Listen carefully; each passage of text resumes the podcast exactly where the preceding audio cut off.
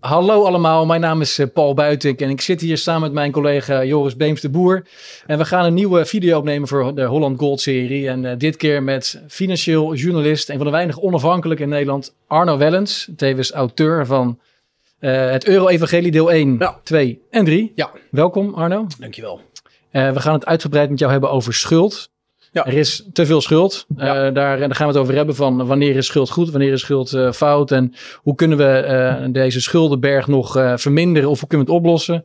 Ja. Joris die zal beginnen met de eerste vraag en nou, later vervolgt vanzelf ook een stuk over de oplossingen en uh, ja, hoe de toekomst eruit ziet. Belangrijk om te vermelden, er is ook nog een hele leuke winactie in deze video. Ja. Uh, wij, wij zullen op het eind van de video er meer over zeggen, maar uh, een aantal mensen die een leuk bericht achterlaat eh, bij deze video, die kan een avondje drinken met ons in de kroeg. Ja, ja.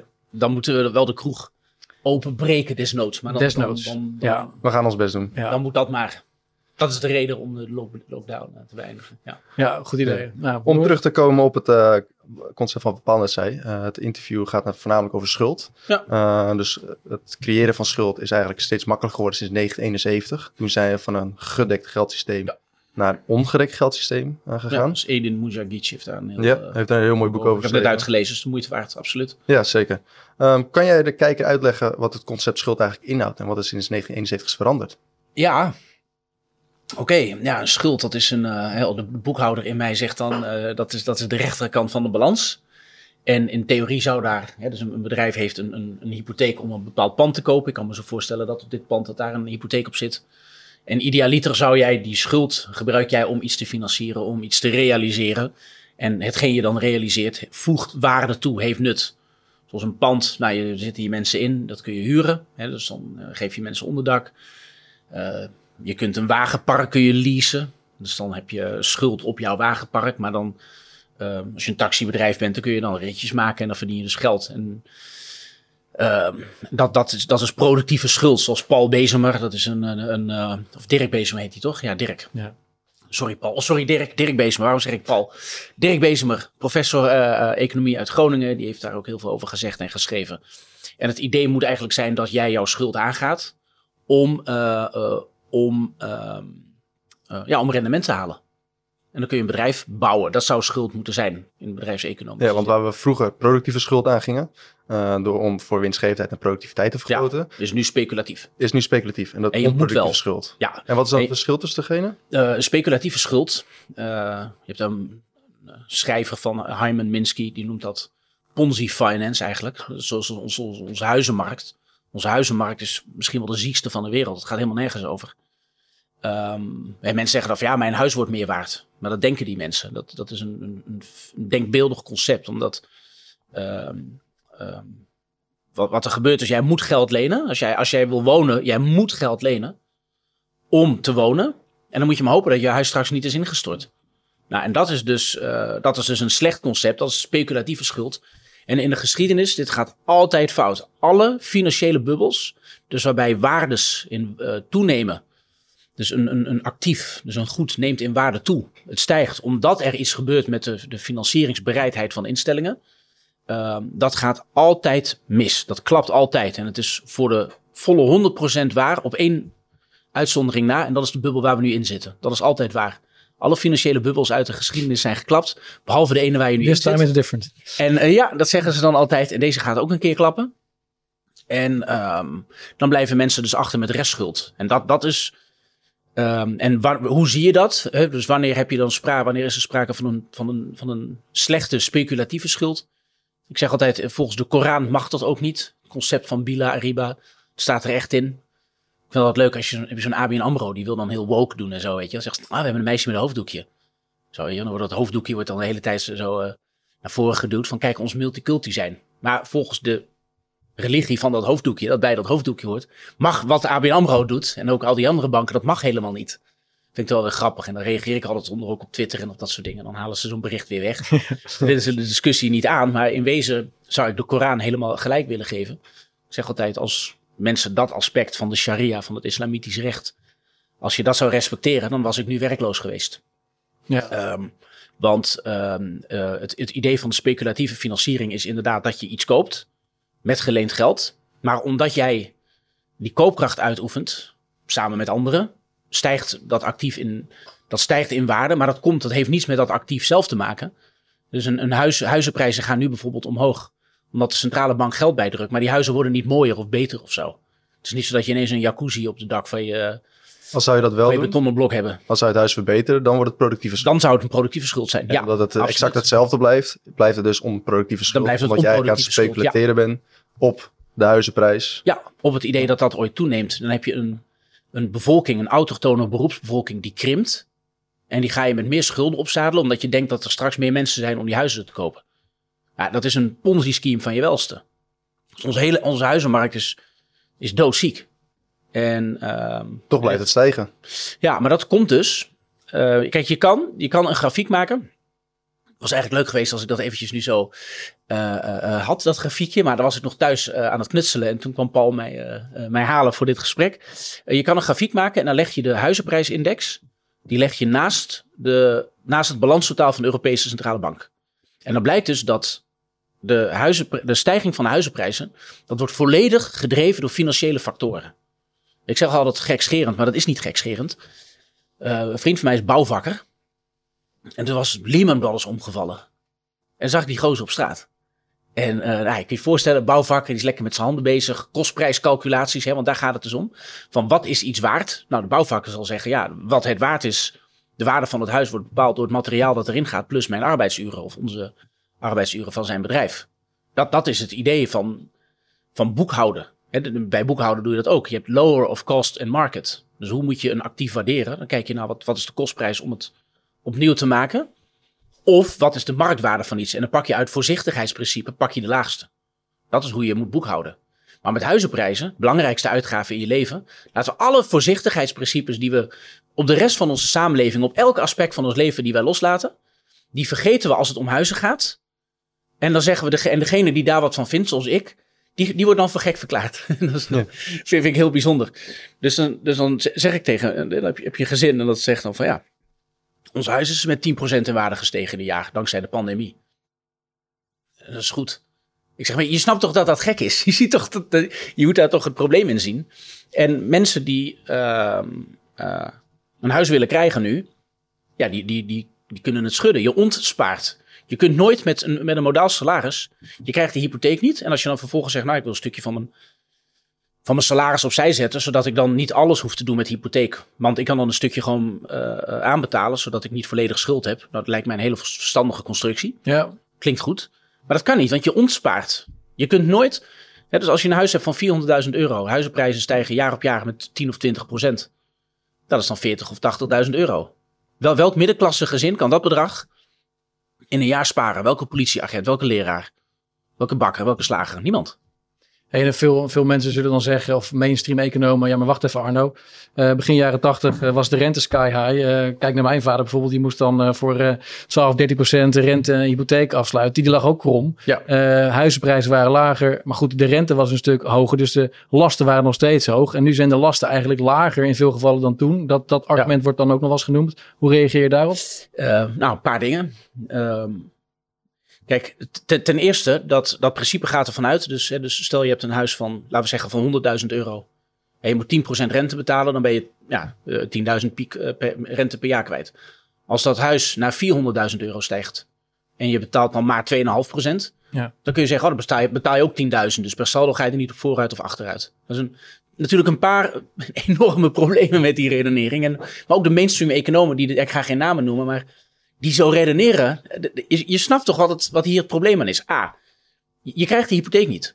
Dus de bank die zal nu, eh, zeker naar Lehman Brothers, zijn er leennormen wat aangescherpt. We zitten hier vlak bij Dirk Scheringa, zijn voetbalstadion. Daar heb ik ook nog een leuke, eh, leuke aanvaringjes mee gehad. Ik zei van die bank van jou gaat, gaat eraan. Eh, Flikker die niet meer zijn pand uit. Werd ik ook door die andere journalisten helemaal uitgelachen. Nou, daarna ging, ging Dirk en toen lachten ze niet meer. Ze die luisteren ze naar me, maar... ehm, dus ik moet, met die overkrediteren moet ik altijd denken aan, Ja, ja. aan, aan, aan Dirk Scheringa. Maar ehm, de, de bank zal jou geen 4 ton hypotheek geven. Als jij, als jij zegt van ja, oké, het huis was 100.000 euro, is nu 400.000 euro. Maar door de rentedaling is het per saldo hetzelfde, dus maak jij je geen zorgen. ehm, jij krijgt die 4 ton hypotheek niet. Nee, dat is mijn probleem van mijn generatie. Ja, jij krijgt ik, gewoon het eh, huis niet. Ik krijg het huis niet. En Nee. ik moet, of van mijn ouders heb ik hulp nodig. Ja. Eh, waar ga je wonen? Of, ja, dat is ook de vraag ergens. En dat noem ik, eh, nou goed, je, goed dat je mijn, eh, je hebt hier mijn website. Schaamteloze ja. promotie van arnobalance.eu. Maar Ja. ja. Ja, En dat is, maar dat is het, het sociale, is het idee van, hè, dus je ouders zeggen tegen je van, nou, oké, eh, voor- vooral mannen zeg ik altijd, mannen zijn gewoon stom en zeker als puber. Eh meeste wangedrag komt door mannen, is gewoon zo. En die, die, die moeten op een gegeven moment dan afkoelen. Hè, vrouwen zijn wat verstandiger en dan op een gegeven moment, nou, als man word je dan verliefd op een leuk meisje. Dat moet het idee zijn en het is de kunst om op tijd af te koelen en eh, eh, dan aan dat gezin te, te, beginnen. Nou, misschien doe je nog iets fout, je even de gevangenis in of zo. Meestal als mannen 28 zijn, dan kun je ze ook gewoon de poort uit laten lopen, want dan doen ze niet meer zoveel. Dus dat, dat moet er gewoon even uit. Maar ik zeg altijd, als mannen rond hun 28ste, als ze dan crimineel zijn bijvoorbeeld, dus ze gaan dan door, dan houden ze nooit meer op. Dan krijg je echt, eh, dan krijg je echt de hardcore gangsters. Dan, ko- dan komt je Ridwan Taghi vandaan en zo. Maar goed, die, ehm, ehm, het, het zou zo moeten zijn dat je tegen een jongere zegt, maar ook tegen die vrouw in dat geval, als de, als de vrouw de kostwinnaar wil zijn natuurlijk, ik ben hartstikke modern. Ehm, dan zou het zo moeten zijn dat je tegen dat gezin zegt, of tegen die jongeren zegt van, als jij nou gedraagt, je maakt je school af, oké, je hebt die stoms gedaan, daar ga je voor boeten. Ik heb in mijn jeugd ook wel eens dingen kapot gemaakt, nou moet je repareren of zo, weet je wel. Eh, nooit, nooit echt hele erge dingen. Dat, is, eh, ja, daar hou je daarmee op en dan ga je je school afmaken en dan gedraag je, krijg je een fatsoenlijke baan. En bij een redelijke baan, bijvoorbeeld een mooie zorg, verpleger. Als jij verpleger bent, prachtige baan, respectabele baan, heel erg hard nodig. Je helpt mensen. Met het salaris van een verpleger krijg jij geen huis. Iemand die nu dit zit te kijken, en het spijt me dat ik het zeg, maar iemand moet dan de boodschap maar brengen. Als jij nu kiest voor zorg, zul jij geen gezin opbouwen. En dan met name in de Randstad. In de, in de Randstad. Ik Maar voorstellen dat je misschien in Friesland eh, of Drenthe nog wel wat kunt regelen. Maar ehm, in de Randstad is het bijna onmogelijk. als jij begint met een salaris van 2000 euro bruto, gaan we eens met 2000 euro bruto naar Funda. Ja, Dus zeg 30 mil per jaar even eh, afgerond. Ja. doe je dat keer vier, want dan mag je dat lenen 120.000 euro. dan kun je misschien net een parkeerplek verkopen in Dracht of zo. Ja. Ja. En wat doet dat met je samenleving? Ik noem het altijd het sociale contract. heb ik een beetje van Pieter Omzicht afgekeken, maar ook van mezelf. Pieter Omzicht heeft het dan over de, de relatie tussen overheid en staat. Van, hè, wat, wat mag een overheid met zijn burgers doen? Hè, mag, een, mag een overheid een, een racistisch algoritme maken en dan voor de lol mensen verpletteren en kapot maken? Nou, vraag stellen is een beantwoorden, maar Ja. onze regering vindt dat dat mag. En dat die mensen dan gek genoeg moeten kunnen blijven zitten. Maar goed, ik heb het dan vooral over het, over het financiële aspect. Dus wat ik net noemde. Van als jij als man, als jonge man. Hè, dus ik, ik, eh, eh, wij zijn alle drie mannen, dus wij kunnen dat gewoon zeggen. Wij zijn Hij is ons nog, geslacht. zit nog in de gevaar. Hij is nog, hij is nog, ja, jij bent 128. Hij zit tegen de 128, dus ik, eh, ik heb nog eh, Dan moet ik uitkijken wat ik... eh testosteronbommetje. Ja, je Als de gaat huizenprijs niet snel gaat zakken. Dan eh, krijg je mij zo weer. ja, absoluut. Dan, eh, dan gaat hij, eh, dan gaat hij voor, eh, wordt hij ook crimineel of zo. Maar in feite, je, dat, dat, dat idee van gedraag je nou, krijg je een leuk meisje, mooie jongen. vrouw, of een jongetje, dat kan ook. Eh, maar ik denk dat hetero mannen dat die crimineler zijn. Dat voel ik zo. Dat denk ik wel. Dat ga- gaan we, gaan we, gaan we uitzoeken. Ja. Ik heb het gewoon even over de, de, de standaard, gewoon de, de, de, de, de, de, de potentieel criminele jonge heteroman. ja, de jongens. Ehm, de, de Jorissen van. Ja. Daar moet je gewoon tegen zeggen. Inderdaad, nou, jij gedraagt je, dus je krijgt dat huis en dat is je toekomst. En die toekomst pak je van mensen af. Dat is gewoon wat hier gebeurt. Je pakt gewoon van je, de middenklasse mensen die fat- fatsoenlijke mooie banen willen hebben en die geen rijke ouders hebben. Tegen die mensen zeg je, jij krijgt geen huis, jij krijgt geen toekomst. Maar is dat ook omdat we de schulden, eigenlijk omdat we de schulden creëren, halen we toekomstige bestedingen, halen we naar het heden, Ja, eh, waardoor de, eh, op korte termijn de consumptie omhoog gaat. Ja, Kijk het is huisprijzen, kijk naar eigenlijk alles. Het is een, het is een enorme herverdelingsoperatie. Want, want jij moet nu, als jij dat, dat huis dat eigenlijk 100.000 euro waard is. Want dat zou kostprijstechnisch, zo, dan is het misschien 100.000 euro. Dat is letterlijk waar. Hè? Ik vraag dat ook altijd aan bouwers en mensen die, nou, aan de bouwvakken die ik net noemde. Ja. En dan vraag ik dat van, ja, wat kost het nou om een pand na te bouwen? Dus als je dan ergens een flatje ziet of zo. Ik zeg, nou oké, je hebt dan, dus even los van grondspeculatie. Want daar, daar, daar gaat het al mis, hè. Gemeenten doen daaraan mee. Eh, want die verdienen heel veel geld op grondspeculatie. Maar als dat er niet zou zijn, en je zou gewoon onder redelijke voorwaarden een fatsoenlijk huisje willen bouwen. Hè, voor de zorg geldt, het is niet te duur, niet te mooi. Er zit geen jacuzzi op het dak, dat snappen we allemaal meteen. Ik bedoel, eh, hè, verpleger heeft niet eh, vanaf dag één een jacuzzi op het dak. Maar moet wel gewoon een leuk huisje hebben, gewoon een plekje voor Ja. jezelf. Wat kost dat om te bouwen? Ja, dan, dan is dat tussen de enige 10.000 en 100.000 euro. Ik bedoel, met alle respect voor mensen die in de bouw werken en deze bouwvakken die ik dan noemde, maar ja, het is ook geen rocket science. Hè? Ja. Maar het is, Van, het is eh, ook een, wat dat betreft een, een veelkoppig monster. Natuurlijk enerzijds het beleid eh, centrale bank. Anderzijds zijn er allerlei andere variabelen die ook wel heel erg van Ja. belang zijn. Hè. Dus we hebben natuurlijk migratie. Dus we hebben ste- steeds meer mensen die op een klein stukje land willen wonen. We hebben gemeentes die dwars liggen. We hebben stikstofproblematiek. Het is natuurlijk...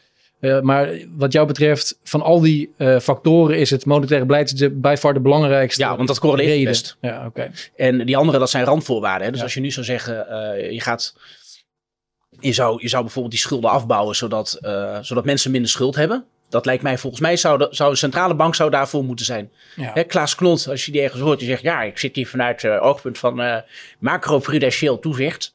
Hij, hij, hij, moet, hij moet zich gewoon anders uitdrukken dan ik, dat weet ik. Dat snap ik ook wel. Maar in wezen vindt hij heel veel van Ja. wat ik ook vind. Nodig hem eens uit, moet je hem dat, moet Ja. dat- moet, je, moet je hem dat voorhouden. Maar hè, macro-prudentieel, laten we mensen vol douwen met schuld, zodat ze het niet meer kunnen betalen. Klinkt niet heel erg macro-prudentieel, of wel? En leg je dan ook op de toekomstige generaties? Ja, dan want zei je, je trekt naar achter. Ja, absoluut. Je haalt schulden, hou je, de toekomstige bestedingen die worden minder. Ja. Doordat de schulden drukken. het is herverdeling, maar het is ook, het ook naar het nu.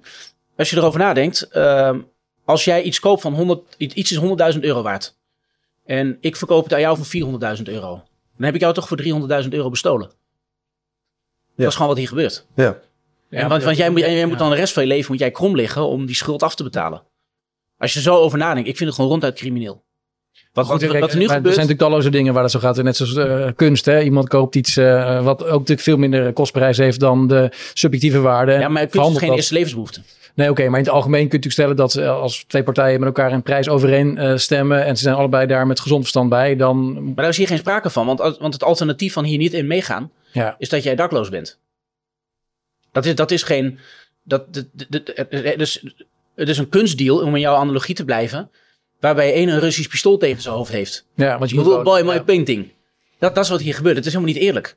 Dus die jongeren, die dan, die, die wil dat helemaal niet. Ik heb hier een heel leuk gesprek ook over gehad eh, met die gozer van de Rabobank.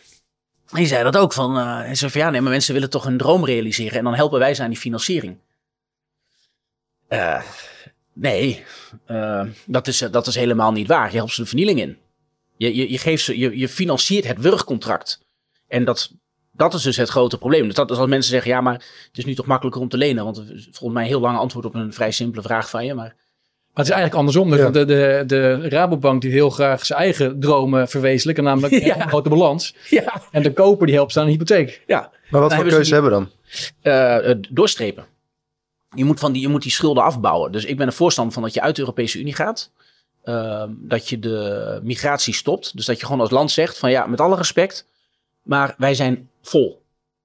En dat kun je ook gewoon stellen. Want in het huidige tempo, hè, als aan het einde van Rutte 4, hebben wij een half miljoen mensen erbij. En als je dan 60.000 woningen per jaar oplevert, dan kun je raden wat er gebeurt. Dus mensen zitten constant op de, eh, op de top van hun, van hun kunnen zitten ze te lenen. Ja, als je, het is letterlijk zo, als nu een appartement in Amsterdam vrijkomt, dat gewoon de hele straat, er is een rij van bezichtiging van de hele straat. Je kunt niet eens meer een foto maken als je dat zou willen. Want het, je staat letterlijk hutje, hutje, mutje. Dus, eh, ehm, ja, er staat honderden, duizenden mensen die komen daar. Die zijn wanhopig, want die moeten dat huis hebben. Ja. En als je dat zou af willen bouwen, hè, dus dan zou je dus moeten zeggen, nou oké, er komen gewoon geen mensen meer bij in Nederland. Als werkgevers dan zeggen, ja, maar ik heb iemand nodig om eh, pakketjes rond te brengen, weet ik wat. Ja, dan ga je gewoon maar meer eh, salaris betalen. Ja. Dat is toch ook marktwerking? Marktwerking werkt altijd ten nadele van gewone mensen. Want migratie wat jou betreft eh, de, de olifant in de, in de kamer Ja. waar niemand over praat. Ja, en als je migratie wil aanpakken, dan moet je, eh, dan moet je het Schengen-acquis, zoals dat heet, een acquis. Dat is een verworvenheid in, ter- in Europees recht, zo heet dat. En Schengen is een verdrag, is een plaatsje in Luxemburg waar dat verdrag is gesloten. En er is gezegd, we gaan de binnengrenzen opengooien.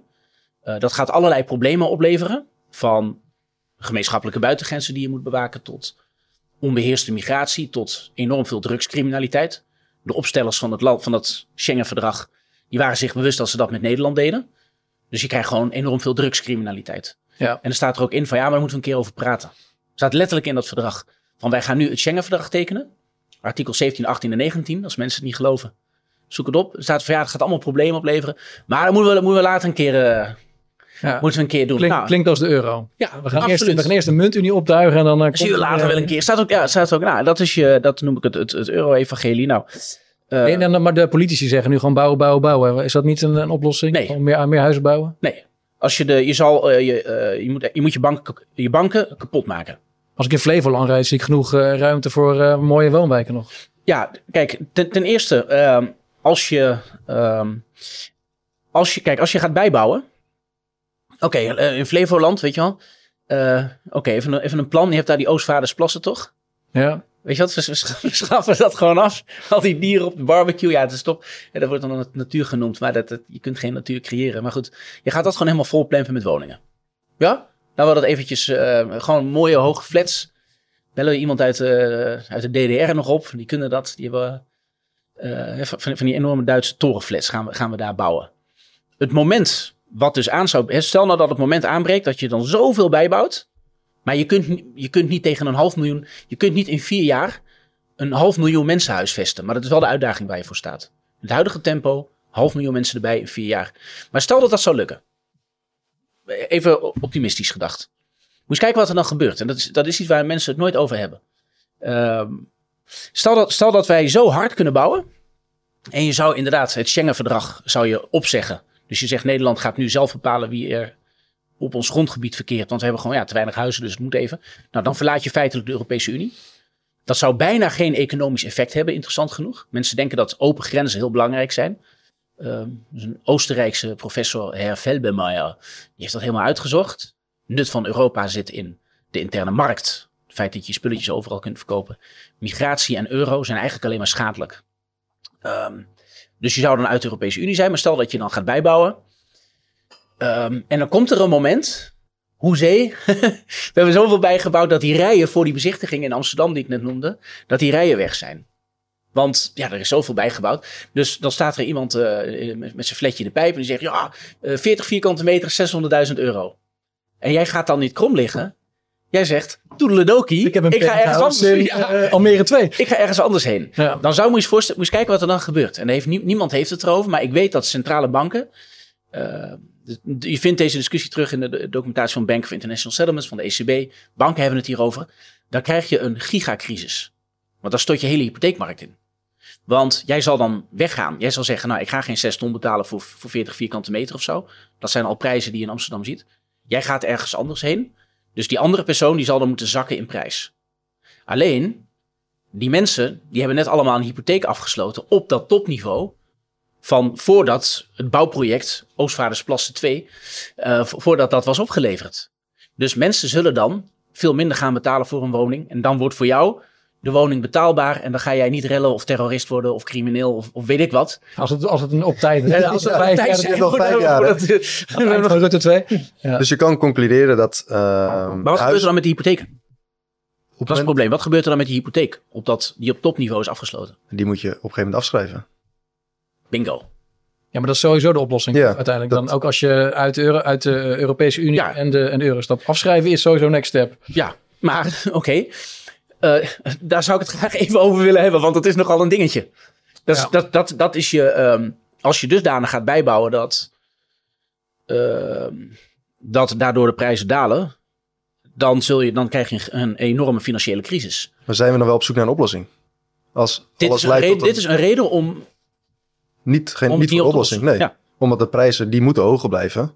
Om vervolgens, anders, anders anders stort het, anders sport, Ben je de naald van de in. Ja, Ja, maar je wordt of door de hond of door de kat gebeten. Want je kunt dit spelletje nog wel een tijdje doorspelen. Maar als er steeds meer mensen geen huis eh, kunnen krijgen. Of anderszins zich verweest voelen. En naar de straat gaan en gaan protesteren. Dat, dat gaat ook op een gegeven moment een kookpunt Ja. bereiken. Wat we eigenlijk door corona de afgelopen tijd al gezien hebben. ja, dat wordt Dus alleen dat, maar dat erger. hou je ook Dus niet dan vol. Nee, dat ben ik heel met je eens. Dus je zal, eh, maar als je die schaarste aanpakt, dan storten je banken in. En ik ben er voorstander van. Ik ben er voorstander van dat we actief al onze banken eh, kapot maken. Dan kun je net zo goed ook de schaarste aanpakken. Als die banken toch kapot gaan, waarom ook niet dan de schaarste aanpakken? Eh, omdat, Dus bouwen- die, eh, omdat die banken, die zijn een enorme eh, invloed van betekenis in, in politieke zin. Die lobbyen knetterhard, die geven miljoenen uit in Brussel. Die zorgen ervoor dat er beleid wordt gemaakt dat goed is voor de banken. Ja, als je kijkt, dan is er een coronacrisis bijvoorbeeld. Het eerste wat er gebeurt is een, een, een bankenreddingsfonds dat wordt ingesteld. Ehm, gek genoeg, en dan, dat, nou, dat wordt dan gedaan met bijgedrukt geld. Waardoor de zorggeld er in reële zin economisch op achteruit gaat. Fascinerend als je erover nadenkt. Eerste impuls, banken redden, fuck de zorggeld. En, eh, want de inflatie is hoger dan die paar tientjes die die zorggelden erbij hebben gekregen.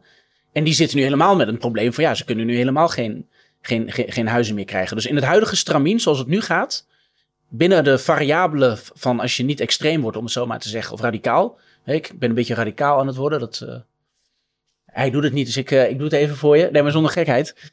Ehm, dan, dan, dan, zullen, dan, dan lok je een gigacrisis uit. Maar ook in je pensioenen. Want hypotheken, daar wordt, worden beleggingsproducten van gemaakt. Er wordt gesecuritiseerd, wat Lehman Brothers deed. Dat doen de banken nog steeds. Eh, soms heet het anders, dan noemen ze het eh, pandbrieven. Maar in feite, zij, als jij een huis koopt met een hypotheek, dan zegt de bank, de bankier, die zal daarna op een feestje zeggen van, "Ja, ik heb een, een, een hypotheek geproduceerd. Zo noemen ze dat. Dus het is dus niet hè, Wim Boonstra van de Rabobank, die zegt dan van, nee, maar wij helpen jou aan een, eh, eh, jouw droom te realiseren. Intern noemen ze het niet zo. Zij zeggen, wij hebben een hypotheek geproduceerd en die kunnen we in een beleggingsproduct stoppen. Daar kunnen we beleggingsproducten van maken. Die verkopen we door aan pensioenfondsen bijvoorbeeld. Pensioenfondsen bezitten ook onze huizen, onze hypotheken. En eh, daar krijgen ze een fee voor. En, en daarom, en daarom zeg ik altijd van ja, dus het, het, huizenprobleem is een meerkoppig monster. Ehm, maar je moet je afvragen, waar komt al dat geld vandaan? Waar komt het geld vandaan om die huizencrisis zo op te blazen? Want als dat geld er niet zou zijn, dan, dan kon het ook niet zo, zo ontsporen. Ja. En, eh, Maar dat geld uiteindelijk eh, wordt overal gecreëerd. Want zelfs als we uit de Europese Unie zouden stappen, neem, neem een Denemarken of Denemarken doet het ook helemaal fout. Ja. Overal. Kijk, de, Ja. de, de rente is sinds eh, begin jaren 80, de afgelopen 40 jaar is de rente gewoon van 20 naar 0 gegaan. Ja. Wereldwijd. Dus wat dat betreft maakt het net of je in de Europese Unie zit of, eh, of in ja, de Great het. Overal, Ja. overal gebeurt dat. En dat is eh, Sander Boon bijvoorbeeld, die noemt het dan de opkomst van het eh, offshore eh, dollarsysteem. Ja. Dus wereldwijd wordt er gewoon heel veel geld gecreëerd, los van wat centrale van banken. geld en die dat komt op wel. Dus, ja. dus is, het, is het een illusie om te denken dat we buiten de eh, eurozone eh, beter af zijn? Nou ja, kijk, je, zal, je hebt nu een overheid die de markt verpest. Vreemd genoeg mag dat, hè? want eh, Brussel zegt ja, je mag je markt niet verpesten. Maar dit mag dan wel. Je mag wel een huizenbubbel creëren waardoor eh, jongeren geen, eh, geen, geen huis meer kunnen krijgen. Dat is macro-prudentieel. Macro, eh, ja, nee, absoluut. Maar als je, de, als je dit zou willen doen wat ik wil, en ik wil gewoon die, ik zou die bubbel, ik zou hem willen opblazen. Gewoon één keer hard. Kijk, een Ponzi-scheme, net als met beleggingsfraude, dat, dat kun je niet langzaam laten leeglopen. Dat, dat werkt gewoon niet zo. Want mensen raken dan in paniek. Ehm, en dat geldt, dat geldt hier ook. Dus je zou het gewoon in één keer kapot moeten maken. En dan blaas je het systeem op. Eh, en dan zeg je, al die hypotheken die zijn gewoon eh, gehalveerd bijvoorbeeld. Dat moet je wel op een eerlijke manier doen. Want mensen die harder hebben afgelost dan anderen, die zul je daarin wel moeten compenseren. Ehm, maar als je dus toe wil gaan naar betaalbare huizen, zodat je dus geen verhufterende, criminaliserende, radicaliserende samenleving krijgt.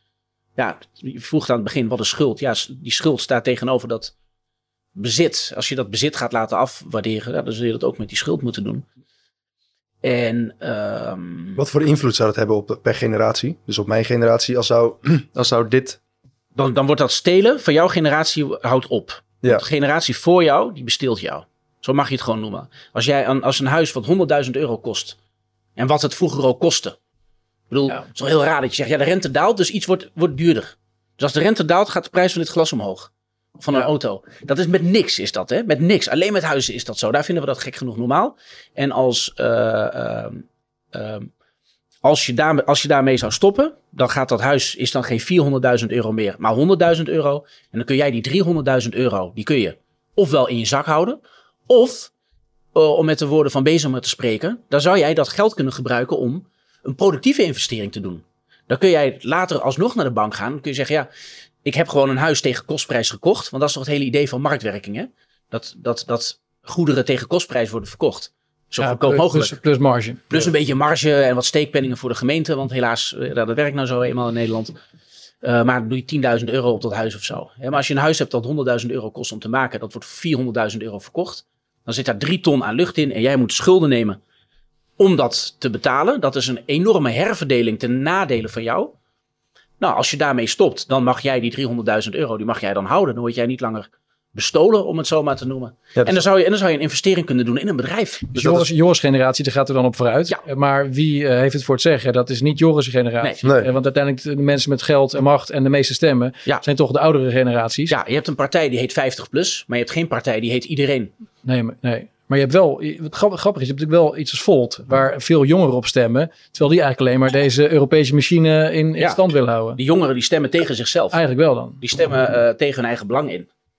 Ja, ik zou ze willen adviseren om daarmee op te houden. Dat is, eh, ja, zij zien, zij, zij- zien, zij zien het, het, het, het probleem niet. En het nare is ook dat, hè, dan ben je dus zo'n braaf voltmens. En dan heb je misschien toch net eh, bij elkaar zo'n hypotheek bij elkaar kunnen sprokkelen. Dan wil je ook niet horen dat het systeem eigenlijk gewoon door en door verrot is. Maar zien jou, zien Als je jouw leeftijd, bent, snappen eh, jouw leeftijdsgenoten dan hoe het zit? Nee, want ik denk dat als ik voor de mensen om me heen spreek, dat die, die willen naar, zo snel mogelijk in huis, want Ja. de prijzen gaan toch omhoog. Dus ik snap dat het voor mijn generatie eh, heel voordelig is als alles in één keer in elkaar klapt en we Ja. beginnen weer opnieuw. Eh, maar voor mijn vaders generatie is het dan ook zo voordelig als alles klapt. Of beginnen want- zij dan want- weer, want want dan die- gaan al in pensioenen gaan. Ja. Want het pensioen zit vaak ook in het huis. Ja. Dat hoor je heel veel. Ja, ik, ik blijf nog even in mijn huis zitten. De prijs gaat nog omhoog. Ik verkoop het. Ik ga in een appartement wonen. En vervolgens eh, leef ik van mijn overwaarde van mijn huis. Maar die, dat, dat is dubbel waar wat jij zegt. Want die overwaarde in dat huis, die zorgt ervoor dat de hypotheek die daarbij hoort, eh, dat die eh, goed gewaardeerd is. Want een, een, een hypotheek waarbij het onderpand meer waard is dan de lening, de loan-to-value ratio, zo heet dat als die onder de 100% zit. Dus jouw onderpand is meer waard dan de lening. Dan, dan, dan wordt die hypotheek ook meer waard. Alleen die hypotheek is door Rabobank of door ING of ABN AMRO of ja, bij wie ook zit, die worden verpakt in die securitisaties en die pandbrieven. En die worden doorverkocht aan bijvoorbeeld pensioenfondsen. Dus eh, op het moment dat, dat wij zeggen in Nederland van nou oké, de, de, de, de maat is vol. We gaan weer zorgen dat eh, we gaan ons sociale contract terughalen. Dan, ehm, dan zul je, ehm, dan, en dat, dat onderpand daalt, halveert bijvoorbeeld. Lijkt mij een mooi bedrag. Ehm, dan, dan, dan verliest die hypotheek ook zijn waarde. Dat is het akelige eraan. Maar dan gaat, gaat hun pensioen eraan. Ja, dus waarom, waarom zouden zij dan ooit voor iets mee instemmen? Om alles omdat, zij, omdat zij, eh, die generatie van voor jou, die zou om morele redenen niet moeten willen dat zij van hun kinderen stelen. En ik snap dat het lekker is als jij een kind hebt en je pakt een paar honderdduizend euro uit. Hè, je steelt dat kind leeg. Maar ja, ik zou, om toch weer in termen van, eh, van islamitisch recht te willen blijven. ja, eh, stelen is verboden. Om morele redenen. En elke, Ja. elke wereldreligie en elke cultuur is Dus- stelen verboden. En je hebt natuurlijk de, je, je, je profiteert, je profiteert op je, je, je, van je kinderen. Je teert in op jouw kinderen. Dat kan Ja. toch niet? Maar in zekere zin, in heel veel families is dat eh, circulair, omdat de kinderen dan ook weer gaan erven of een lening krijgen van ouders. Maar het zijn dus vooral de hefs die steeds meer krijgen. Maar met Ja. name in gezinnen waar dat eh, niet eh, speelt, Nee. eh, die, die kinderen die komen op een enorm achterstand. Want die hebben niet diezelfde mogelijkheden als de vermogende families wel hebben, waar het Juist. gewoon wordt overgegeven. Dus, Maar, en, en wat voor samen... En dan krijg de je dan, ja. scheiding wordt steeds groter. Maar dan, dan verlies je het idee van de liberale samenleving. Dan verlies je het idee van jongens, ga, ga je nou een beetje gedragen. Ehm, en dan krijg je dat leuke huis. Dan zou je gewoon tegen de driekwart van je jongeren, zo ongeveer. ehm, zou je moeten zeggen, ja, je hebt geen toekomst. Dus, dat- dus dat is prima. Dus we zorgen ervoor. Dus we laten die huizenmarkt zo ziek als die is. We zorgen ervoor dat er allemaal mensen bij komen die eh, belangrijke banen doen, maar die dan wel onder eigenlijk vrij mensonterende omstandigheden leven. Dus dan krijg je dus inderdaad, we hadden het erover dat politieagenten die wonen dan op studentenkamers en zo. Ja. Dat gaan we dan normaal vinden. Of you will own nothing, be happy natuurlijk. hè. You will own Eh, nothing en you, ja, dat, dat is het inderdaad. Dus je, ehm, maar dan gaat je hele liberale democratie die gaat eraan. Ja. Want het, het idee van jij hebt een my home is my castle. Zeg maar, de, de, liberaal in mij die gaat het liefst uit van, van het idee inderdaad dat jij bezit hebt. Jij hebt iets, dus niet you will own nothing and you will be happy. Nee, I own something which makes me happy. Ja. ik heb dat zelf gebouwd. Ik heb Ja, zelf gezorgd dat ik een huis, misschien, misschien kun je wel zelf een huis bouwen. Helemaal fantastisch. Ehm, maar dat heb jij gerealiseerd. Hard werken, eh, netjes gedragen. Eh, leuke vrouw erin, misschien wat kids. Naar, naar, naar dat model moet je, eh, moet je dus toegaan. Maar dat, dat haal je dan weg. En wat doet dat met je samenleving? En dat gaan we de komende jaren, en dat is een sociaal experiment. En dat gaan we de komende jaren meemaken. En ik denk niet dat het mooi is. Want op het moment dat je dit dus niet, want dat is antwoord op je vraag. Als je dit niet wil aanpakken, Ja. dan zeg je tegen de helft van je jeugd, je hebt geen toekomst. Ja, en dat is gewoon een stinkende wond. En we weten wat eh zachte heelmeesters doen. Ja. Eh, kijk, en kijk dan in je geschiedenis wat er gebeurt als mensen geen uitzicht hebben. Wat ze dan Ja, maar, maar dan die, die, eh, die reset of die, die, eh, die jubilee of het afschrijven, dat is iets wat eh, in één keer moet, zeg jij. Maar ik kan me voorstellen dat je dat enkel kan doen als je ook een, een backup plan hebt. Dus dat eh, stel je besluit uit de Europese Unie te stappen, dus de artikel 50, of je zegt Ja. nou, de Maastricht-verdrag is ook geschonden, want er is, er is Ja. sprake van monetaire financiering. En alle, dat, dat, dat kun je ook doen. Dat je kunt allerlei juridische gronden kun je gewoon makkelijk inroepen om, neem ik aan, relatief makkelijk die, die Unie uit te stappen. Hoeft Ja, zo lang te duren als bij de Brexit. Maar dan moet je wel, eh, neem ik aan, een, eh, een plan B hebben. Dus eh, zou jouw advies aan, aan, aan, aan Kaag dan zijn van joh, ehm, zorg ervoor dat je de komende jaren dat plan B ontwikkelt? Er, er was een werkgroep bij Financiën die, die hiermee bezig was. Ja. En die is ontslagen. Ja, maar die plannen liggen nog ergens op de op, Ja, maar ze waren half, het was half af. plank dan. En eh, Afstoffen dan. ja, maar het, het is, het is nooit afgemaakt. Want als je zegt, hè, there is no alternative, dan ga je daar het. Net als in een huwelijk, als je bijvoorbeeld een heel slecht huwelijk hebt. ehm, dan, eh, en dan zeg je van ja, nou, als ik nou eens eh, misschien met eh, iemand anders ga of zo, weet je wel. een vent die me niet slaat of me niet bedriegt of weet ik wat. Dan, ga je als, dan ga je misschien zo nadenken en dan ga je dat vormgeven. En wat ze in de Europese Unie hebben gedaan, en dat heeft Dijsselbloem gedaan. En ik denk dat Sigrid Kaag, ehm, zeer groot voorstander van Europese integratie, met volgens mij vrij beperkte financiële kennis. Maar hè, ik vond het redelijk opmerkelijk dat zij die baan kreeg. En, Ja. en dan Hoekstra, die hele rare wissel als je erover nadenkt. Maar goed, ehm, zij, zij, zij wil die Europese integratie. Zij wil de boel vasthouden, dus zij zal dit nooit doen. En die plannen die lagen er dus wel van Dijsselbloem. Tenminste, die zijn voor de helft afgemaakt. Toen is die werkgroep ontslagen. Dus, ehm, dus in, het, in het kader van een slecht huwelijk waar je dan in blijft zitten. Hè, dus als je dan ook niet nadenkt van ja, maar het gras is aan de overkant groener. Dan blijf je dus in dat huwelijk met alles schade voor jouzelf. Maar dan is het huwelijk, het huwelijk gered. Eigenlijk om in, in die analogie te blijven. En als je, het, eh, als je naar de D66-borrel gaat, en eh, dat doe ik dan natuurlijk. ehm, en je spreekt daar met mensen, dan zij, zij vinden het principe van eh, het afschaffen van de nazistaat, dus het idee dat Nederlanders zelfstandig, gelukkig, vrij en rijk zijn binnen hun eigen land. Zij vinden dat, dat idee vinden zij het ergste wat er is. Dus zij willen niet dat Nederland zelfstandig en rijk is. Zij zullen de boel liever bij elkaar houden. Dus een slecht huwelijk zullen zij liever geforceerd bij elkaar houden, zodat de leden eh, van dat gezin dat die schade ondervinden, dan, dan dat ze doen wat goed is voor die, wat goed is voor die mensen. Je had op een gegeven moment eh, werd ook aan Kaag gevraagd met die toeslagenaffaire. eh, werd er ook gevraagd aan Kaag van... waar was u toen Pieter Omtzigt met die rapporten kwam?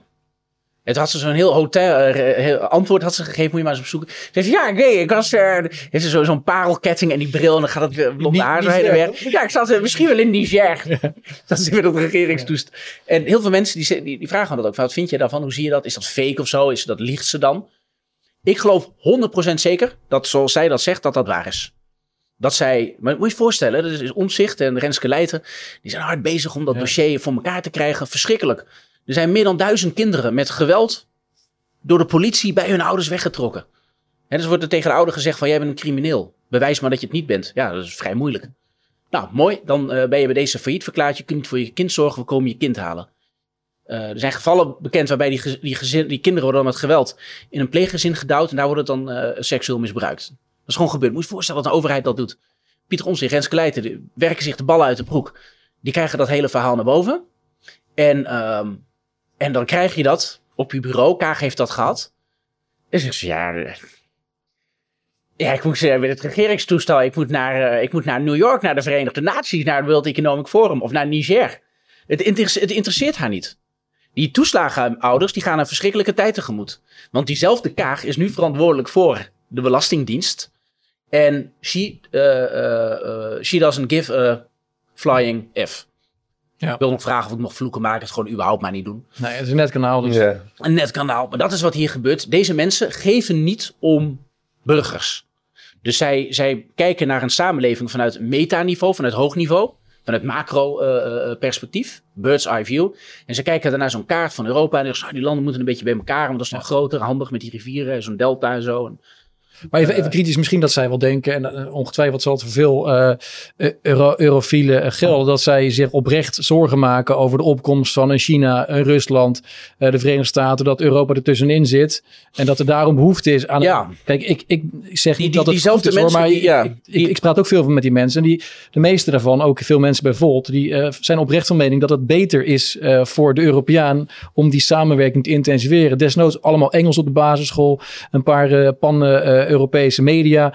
D- er is een oprecht geloof. Zij eh, geloven dat, echt, hè? Ja. Die, men- nou, die mensen die zijn als, zijn. eh, ja, zij, zij denken dit. Nou, ik zal ze uit die droom helpen. Dus een, om een paar redenen. Kijk, ehm, er zijn een paar dingen op, op hun globalistische visie aan te, aan te merken.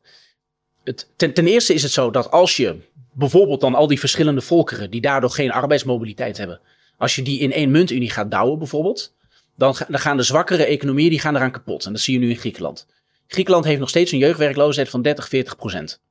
En dat komt omdat er niet genoeg wordt geïnvesteerd in jouw productieve, in jouw productieve schulden, die zijn er niet. Eh, dus dat land wordt helemaal afgeknepen en dat gaat kapot. Dus je kijkt naar een jongere en je zegt, jouw generatie gaat onbetaalbare huizen en 30% werkloosheid krijgen. Ben je, dan, ben je dan goed bezig voor die, voor die mensen? Ben je, ben je ze dan aan het helpen? Ja, ik denk het niet. Wat kunnen zij dan tegen doen? Uit zichzelf. Ehm, het Griekenland moet uit de eurozone stappen. Gewoon al die schulden, eh, va- vaarwel zeggen. 200% bruto nationaal product, van, van het bruto nationaal product, de schuld. Gaan ze toch niet terugbetalen. Nee. Streep het gewoon door. Gewoon het, eh, ik zeg altijd, je moet de moeder van Jan Smit. Die had minister van Financiën moeten worden. Heb je ook een vrouw op die plek, maar dan is het niet eh Sigrid Kaag. En de moeder van Jan Smit van alles is weg. Alles weg. Jij kent dat het filmpje niet, hè? Ik ken dat filmpje niet, maar Nee, we gaan hem erin. We, gaan ja, we kunnen hem erin monteren. Ja, zeker. dus ja. Oké, prima, hij komt erin. Eh, die, die had dat moeten doen. En dan, ehm, dan eh, zijn ze van die schulden af. Dan kunnen ze uit de euro stappen. Dan devalueert hun munt. Er wordt een vakantie naar Griekenland wordt zo idioot goedkoop. Dat Ja. je gek bent als je dat niet doet. Dan kan het land zich herstellen. Dan kunnen ze investeren. Kunnen ze in nieuwe eh, technologieën en, en, en nieuwe investeringen. Daar kunnen ze dan geld voor gaan lenen. Eh, zullen ze wel wat dingetjes in onderpand moeten geven. Want markten zijn dan niet vergeten wat ze kort daarvoor deden. Maar het is gewoon een, gewoon een reset. Dus dan niet de reset van, van Schwab. Maar van eh, ja, de andere reset. Namelijk dat je, dat je die schulden gewoon naar Ja. draaglijk niveau, eh, naar realistisch niveau terugbrengt. En dan kan dat land opnieuw beginnen. Dat is wat je moet doen. Ja, dus de, al die intenties eh, van al die politici ten spijt. De weg naar de hel is geplaveid met goede Ja. intenties. Het werkt niet. Eh, er, is geen, er is geen behoefte bij de meeste mensen in Europa om, om echt die politieke unie te Nee, vormen. bingo. Want er is, dat is, dat is, ja. we hebben geen eens een, een eigen taal samen. Dus dat Nee. is al eh, een En probleem. mensen voelen zich niet. En, en kijk, inderdaad, een, een Kaag die zit dan, wat ik zei, die, die vliegt dan de hele wereld rond. En die is daar niet zo mee bezig. Nee, Ik heb ook Timmermans wel eens gesproken. Die is ook Ah, die leven in een bubbel. Die leven in een bubbel. Die, is met, die, die heeft helemaal geen. Ik, ik, ja, hij zei dat ook. Ik heb een keer met het Oekraïne-referendum bijvoorbeeld. In die, in die periode heb ik hem dat gevraagd. Ik zei van als je. Je legt je eigen boeren enorm hoge milieustandaarden op. En vervolgens trek je een land. met de laagste milieustandaarden die je, die je maar kunt bedenken. die trek je in jouw douane-unie. Ja, Wat gaat dat doen met jouw lokale kippenboeren? ja. En dan zegt hij van. maar dit. Hij zegt. eh, we, we hebben het hier, hier over de toekomst van Europa. Niet over zo'n kippenboer. Frans Timmermans heeft gewoon scheid aan boeren. Sorry, nee, ben, ik- ben ik toch aan het, aan het ja nou, aan ik het vloeken. dat, eh, dat- nee, we knippen niet, hè? Nee, nee, dat is de. eh, eh, hij, heeft, eh, hij geeft er geen zier om. Maar je kan ook zeggen, de advocaat En- van de duivel, is dat hij het bij Europa haalt. Zodat ze dan invloed op die boeren kunnen uitoefenen. Ja, en de- dat, het mooie was toen. Of dat gebeurt niet. Nee, dat gebeurt niet, want eh, dat is dan weer niet geregeld in dat verdrag. Er staat in dat verdrag dat er een consensus moet zijn over dierenwelzijn en milieu, zodat je dus geen oneerlijke concurrentie krijgt. En dat is hetzelfde aspect als met dat Schengen-verdrag. Het is zo snel ingevoerd, dat verdrag, dat, dat associatieverdrag met Oekraïne. Dus er staat in, Oekraïne krijgt nu recht om onze markt te verpesten. Maar we moeten er consensus, artikel 55, over bereiken, dat ze dat eigenlijk niet moeten willen. Dus toen, ik heb Sharon Dijksma er ook over gesproken, want die was toen eh, staatssecretaris van Landbouw. Dus Oekraïne kwam erbij in de douane-Unie, brak meteen die regels. En heeft Sharon Dijksma, die heeft toen haar Oekra- Oekraïense eh, eh, collega Pavlenko gebeld en gezegd van joh, je bent nu onze boeren aan het eh, slopen met je oneerlijke concurrentie. Dat zou je niet doen. Zou je daarmee willen ophouden? En toen heeft die Pavlenko, die heeft toen teruggeantwoord. Maar dat heeft hij ook in, een, in, in media heeft hij dat gewoon toegegeven dat hij dat zei. Hij zei van ja, dat verdrag zegt dat wij consensus moeten bereiken. We moeten dus een gesprek voeren. Ja. We hebben nu een gesprek en het kan me niks schelen. Doei. Dag Sharon Dijksma. ja. ja, en zo gaat het natuurlijk keer op keer. eh, En nu is er de handelsbalans met Oekraïne is met een miljard euro verslechterd ten, nade- de- Ja. ten nadele van Nederland. Is niet heel veel geld. Uh, maar goed, maar goed, we hadden het erover dus van hè, de volkmensen die zeggen dan van ja, maar samen zijn we sterk. Nee, als je mensen bij elkaar duwt in een slecht huwelijk, dan hebben de leden van dat gezin, die hebben daar last van. Ja. Soms moet je, moet, moeten mensen maar gewoon scheiden. Uh, ten, ten tweede is het zo dat om een muntunie te laten slagen, moeten de sterke landen, die moeten offers brengen, financiële offers. En uit alle enquêtes, verkiezingen, referenda enzovoort, blijkt dat de bevolking die deelt het euro-enthousiasme van de Kaars niet. Die voelt dat niet. Heb je corona, wordt er gezegd, ja, we moeten een coronafonds maken. Dat Europees coronafonds, daar, daar, dat gaat vooral naar digitalisering en surveillance. Maar dat gaat niet naar zorg. Hè? Dat is gek genoeg. Iedereen vindt dat normaal, maar dat is misschien een ander topic.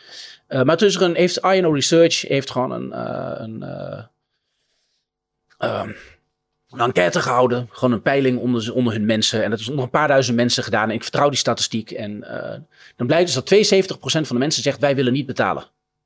Dat betekent dat 28% van de mensen denkt als Kaag en Volt en GroenLinks en Rutte en, enzovoort. Maar als je gewoon nu naar buiten gaat, de overgrote meerderheid van de mensen wil dat niet. En als je dan toch doordramt, dan zul je dus dingen tegen de wil van de mensen in moeten doen. Maar toch, dat hebben, is de we, maar toch hebben we Rutte 4. Met, Ehm, weer, met weer dezelfde mensen die dit wel willen. Die Ja. dan niet de, vertegen, de vertegenwoordigers blijkbaar zijn van wat Ja, de nee, mensen werkelijk willen als het om Europa gaat. Maar kijk, de, de, zeg maar de, de, de- dat er komt, en dat doet Rutte heel goed. Die heeft gewoon een hele marketingafdeling. Dat is gewoon een, eh, een, een, ja, gewoon Ja. een salesbedrijf is dat eigenlijk. Rutte kijkt gewoon, wat willen mensen horen? Ja, geen geld naar Griekenland, geen, geld naar Italië. nee, geen migratie. We gaan wat doen aan migratie. En Ja. Hoekstra die deed dat op een gegeven moment ook. Zei van, ja, moet eigenlijk gewoon elk jaar moet er een debat komen over migratie. Kan niet. Als je in de Europese Unie zit, heb jij niks, moet je gewoon oneindige migratie accepteren. Wat het ook met je samenleving doet. Dat is de kostprijs van in die, in die, in die Unie zitten. Maar goed, Rutte die laat dan wat geluidjes horen die mensen graag willen horen. Mensen trappen erin. Geen cent meer naar de Grieken, eh, geen schuldenunie, dat soort dingen. Ja. Nog voor corona heeft hij die belofte gewoon verbroken. Op 4 december 2019. Hele grote conferentie geweest in de Eurogroep. Wij gaan voor 2020 eurobonds invoeren. Om banken te redden. Maar ja, we moeten dat politiek nog wel rondkrijgen. Dus hoe gaan we dat nou brengen? Dus ik, ik zat daar te kijken. Ik denk, wauw, gewoon het regeerakkoord wordt hier gewoon geschonden Ja. door, door, door Rutte.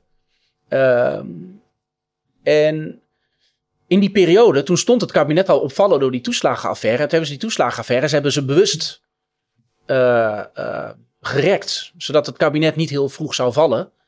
Eh, zodat ze dit er nog eventjes door konden doen. En toen pas zi- zijn die documenten van omzicht naar buiten gekomen. Toen pas hebben ze het boetekleed aangetrokken en gezegd: ja, wij hebben hierin gefaald. Maar ze hebben eerst nog eventjes die schuldenunie geregeld.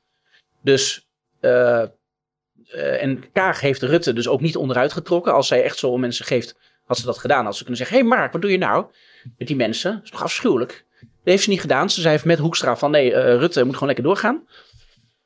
Ehm, die toeslagenaffaire mag het kabinet niet laten vallen. Dus we gaan omzicht en zijn onderzoek gaan we gewoon bewust traineren. Waardoor die invorderingen bij mensen die niks hebben gedaan, die onschuldig zijn, uit huiszettingen, kinderen afpakken. Dat is maanden tot een half jaar is dat doorgegaan. Zodat eh, dit er nog eventjes kon worden doorgedrukt. Toen was het december 2019. Daarna zeiden ze, nou, het is nu zo dicht voor de verkiezingen. We kunnen nu het kabinetje wel laten klappen. Want dan lijkt het alsof we verantwoordelijkheid hebben genomen. Maar we blijven dan gewoon zitten. Mooi is ook dat het toen al zo ver voor de volgende verkiezingen was. Dat het niet in, in de redelijkheid lag om dan nieuwe verkiezingen uit te schrijven. Er werd er gezegd, ja, oké, we zijn nu afgetreden. Ja, dan moeten er nieuwe verkiezingen komen. Ja, maar die, die waren er toch al. Als ze een half jaar eerder waren afgetreden, hadden ze ook een half jaar eerder verkiezingen moeten doen. En hadden Hoekstra, Kaag en, en, en, en Rutte, die hadden nooit op die plek kunnen blijven zitten. Dan- want dan hadden ze gewoon eh, ja, met staart tussen de benen uit Den Haag moeten vertrekken. Maar door het te traineren konden ze eh, eh, het redden tot die laatste verkiezingen. Toen hebben ze in december 2019 hebben ze nog snel even die eurobonds geregeld. Er staat in die documentatie, het staat gewoon op de website van de Europese Commissie en de, en de Eurogroep, staat er van, ja, wij moeten voor de zomer van 2020 moeten wij dit politiek rond hebben. Ja. En dat was een reactie op de repo market crisis die je toen had. Want je had vlak daarvoor Ja. had je onrust op de financiële markten. En toen is er ook nog een heel, heel groot eh, eh, actieplan van de centrale bank aangekondigd. Wat heel veel inflatie tot gevolg zou hebben. Was ook niet uit te leggen hoe dat, waarom dat dan nodig was. En toen kwam corona en toen is dat allemaal onder het potje, onder het, onder het, eh, onder het label van corona geschreven. ja, never waste a good crisis. Never waste a good crisis. Dat Maar- is wat er is gebeurd. Maar nu zitten we in 2022. En, en, en, maar Rutte heeft dit gewonnen omdat hij, hij, hij liegt gewoon. Dus hij zegt, hij zegt bij de verkiezingen, bij campagnes, ik heb hem daar gezien, hij zegt, Ik zal geen eurobonds invoeren, geen Europese financiën, geen Europees ministerie voor Financiën, geen belastingverhoging. Mark my words. Eh, vertrouw mij, ik ben te vertrouwen. En mensen die, die, die, die tuinen daarin. En hij breekt dat gewoon. Ik, ik vind het een hele bijzondere man wat dat betreft. Dat je, dat, je daar gewoon, dat je daar gewoon met jezelf kan leven. Dat je ochtends wakker wordt en je zegt gewoon van... ik ga de mensen gewoon vandaag... ik ga ze zo glashard voorliegen dat ik in die stoel kan blijven zitten. Wat, wat is dat voor... Is dat een aandoening of zo? Is dat een... Ja, maar goed. Macht smaakt blijkbaar. Ja, en dan wint hij steeds net die verkiezingen. En hij wil hetzelfde als Kaag. En dus je kan van Kaag vinden wat je wil, maar ze is wel eerlijk en consequent uh, en transparant. Zij wil die Europese federatie. De meerderheid van de mensen wil dat niet. Dus Rutte die snoept heel veel zeteltjes weg bij de rechtse en de conservatieve partijen. Met de belofte dat hij daarin zal meegaan. Geen zin meer naar de Grieken. En dan kan hij een coalitie vormen met Kaag. En dan rammen ze alsnog toch door. Ja, maar we zijn nu in 2022. Net begonnen met Rutte 4. Uh, ja. Over vier jaar hebben we weer een nieuwe kans uh, voor verkiezingen. Of misschien in de tussentijd. Maar als we vier jaar verder zijn, hebben we waarschijnlijk een Europees uh, paspoort. We hebben dan Europees ja. Centrale Bankgeld, CBDC. we hebben een soort China geworden. Ja, we hebben allerlei dingen over vier jaar. Waardoor het nog moeilijker wordt en nog pijnlijker om mee te nokken. Ja, maar, en, en, dan, en dan heb je dus, maar dan heb je dus mensen iets tegen hun zin in door de strot gedouwd. Ja, dat gebeurt toch al decennia? Nee, kijk, ik, ben, ik geloof in democratie. Je, zou ook, je zou in een democratie ook kunnen zeggen van je gaat doen wat je belooft. En je gaat met de mensen in gesprek. Je gaat geen dingen doen die mensen niet willen. In 2005 hebben we nee gezegd tegen de grondwet. En die kwam alsnog. We hebben de Oekraïne-referendum ja. Dus het gebeurt eh, jaar in jaar uit. Ja, het, het, het, dus waarom er vier jaar ineens wel dat er, dat er mensen wakker worden en denken van oké, dit uh, moeten we veranderen? Mm, nou ja, kijk, op een gegeven moment wordt het zo erg. Het, misschien gaat het nu nog niet slecht genoeg. En er zijn te veel mensen. Kijk, er zijn nu heel veel mensen die hebben het verschrikkelijk moeilijk. Uh, die komen gewoon niet rond. En dat zijn bijvoorbeeld je startende verplegers. Die krijgen gewoon geen baan, dus die vallen massaal uit. Dus ik, en ik ben er ook gewoon voor dat die verplegers dat die ook gaan staken. En dat ze dan tegen de rest van de samenleving zeggen van als jullie ons zo mishandelen. Ja. Als jullie ons weigeren een fatsoenlijk salaris te geven in een toekomst. Dan mag je ook je eigen billen wassen. Ik ben, ik ben daarvoor dat die verplegers dat gewoon doen. Dat ze gewoon, gewoon een maand lang. Ja, en ik weet wat er dan gebeurt. Hè, dat wetende. Uh, maar kijk, je kunt ook zeggen, nou dan dan moeten die verplegers die moeten dan maar wel eh, doorgaan. En dan doen ze nog een belofte dat het eh, eh, in de toekomst allemaal beter wordt. Maar dan wordt het het niet. Die verplegers die, lopen, die, die nemen dan gewoon ontslag. Hè? En dan heb je alsnog te weinig handen aan het bed. En dan gaan er alsnog mensen dood in de ziekenhuizen. Dus dat, dat, dat is, dat is waar, waar je dan heen gaat. En uh, dus als je dit laat doormodderen, dus als je de problemen niet, niet, niet, niet echt aanpakt, dan krijg, je, dan, dan, dan krijg je die ellende alsnog. En dan zullen mensen dus inderdaad zien van welke, welke onderdelen ze van de samenleving hebben verwaarloosd. En dan gaat dat gevolgen geven. En dan zal je een, je zal veel meer criminaliteit krijgen, radicalisering, geweld. En mensen zullen dan schrikken en zeggen van, oh ja, dat hadden misschien eerder uh, moeten, moeten, moeten ingrijpen. Maar kennelijk gaat het over het hele collectief, gaat het nog niet slecht genoeg. En dat komt deels, en dat is het voorbeeld uh, wat we dus met jouw generatie hadden, hoe we dat net noemden. Dat is dat als jij uh, een schaarste creëert ten koste van je jeugd, dus uh, met die huizen. Dus een huis is 100.000 euro waard. Je, je pompt het kunstmatig op tot 400.000 euro. Dan is jouw nadeel is het voordeel van de vorige, van de vorige generatie.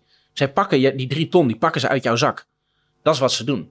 Dus jij hebt dan hier misschien wel last van, maar waar, het is een zero-sum game, de huizenmarkt. Er komen niet meer huizen bij namelijk. Hè, door die hoge prijzen. Dat is het hele idee van marktwerking van Adam Smith. Lees het maar na. Maar goed, um, um, Waar jij een verliezer bent, is er iemand anders die wint. En die twee politieke krachten, die, uh, waarbij de oude generatie door het lage kindertal veel groter is dan dat cohort erna. En het democratisch krachtenveld plus de lobbykracht van de banken, dat betekent per saldo dat er beleid wordt gemaakt dat slecht is voor de jeugd. Dat, dat, dat, is, wat er, dat is wat er gebeurt. En op een gegeven moment het, het, gaat dus gewoon opgeteld nog niet slecht genoeg. Dat is het antwoord op je vraag. Eén eh, dingetje nog. Je zei nu het over China hadden. Die zei net van ja, maar de Volt en de D66 mensen die, die kijken dan naar Rusland, China en die zeggen van ja, nee, maar Europa moet zich dan wel verenigen. Dat is A, niet waar inderdaad, om, omdat bij een slecht huwelijk, dus een euro tussen ongelijkwaardige staten, die maakt iedereen arm. Dus je maakt het voor mensen alleen maar moeilijker. B, mensen willen die offers niet brengen, dus je zult je democratie moeten afschaffen. Als je een Europese Unie wil, die, dat moet een dictatuur zijn. Want als je de burgers voor het zeggen laat, laat hebben, dan... Uh, dan breken ze het ding af. Dan zeggen ze, ja, maar wij willen niet betalen. geen cent meer naar de Grieken, ja, dan kun je ook niet trouwen. Heel simpel. Maar ten derde is, en wat de Europese Unie ook helemaal fout doet, uh, met betrekking tot China dan, is dat als je zegt, nou oké, China is opkomend, dat is een dreiging, dus Europa moet zich verenigen. Uh, dat is een drogreden, omdat China wordt niet uit zichzelf rijk of zo. Dat, dat is geen wet van mede en persen van, oeh, wat verdienen ze daar toch ineens voor geld? En dan kopen ze allemaal vliegdekschepen mee en dan hebben ze zo'n surveillance staat en het wordt eng en het is een dictatuur en die wordt machtiger, concentratiekampen en zo. En je kijkt en je denkt, oeh, ik vind dat eng. Waar komt toch al dat geld vandaan? Nou, dat komt uit Europa. Um, de, de Amerikanen en de Europese Unie, die hebben tegelijkertijd gezegd, Euro of China mag lid worden van de WTO. Maar dan moeten ze wel die concentratiekampen dicht doen. En dan moeten ze niet, net als met Oekraïne, moeten ze niet oneerlijk gaan concurreren en dat soort dingen en onze banen stelen. Uh, uh, enzovoort, enzovoort. En dat staat allemaal in Presidential Order 145 nog iets. Clinton heeft dat besloten. Van China mag bij de WTO en de Europese Unie heeft toen als collectief gezegd, maar dan doen wij ook onze markten open voor China. Ja.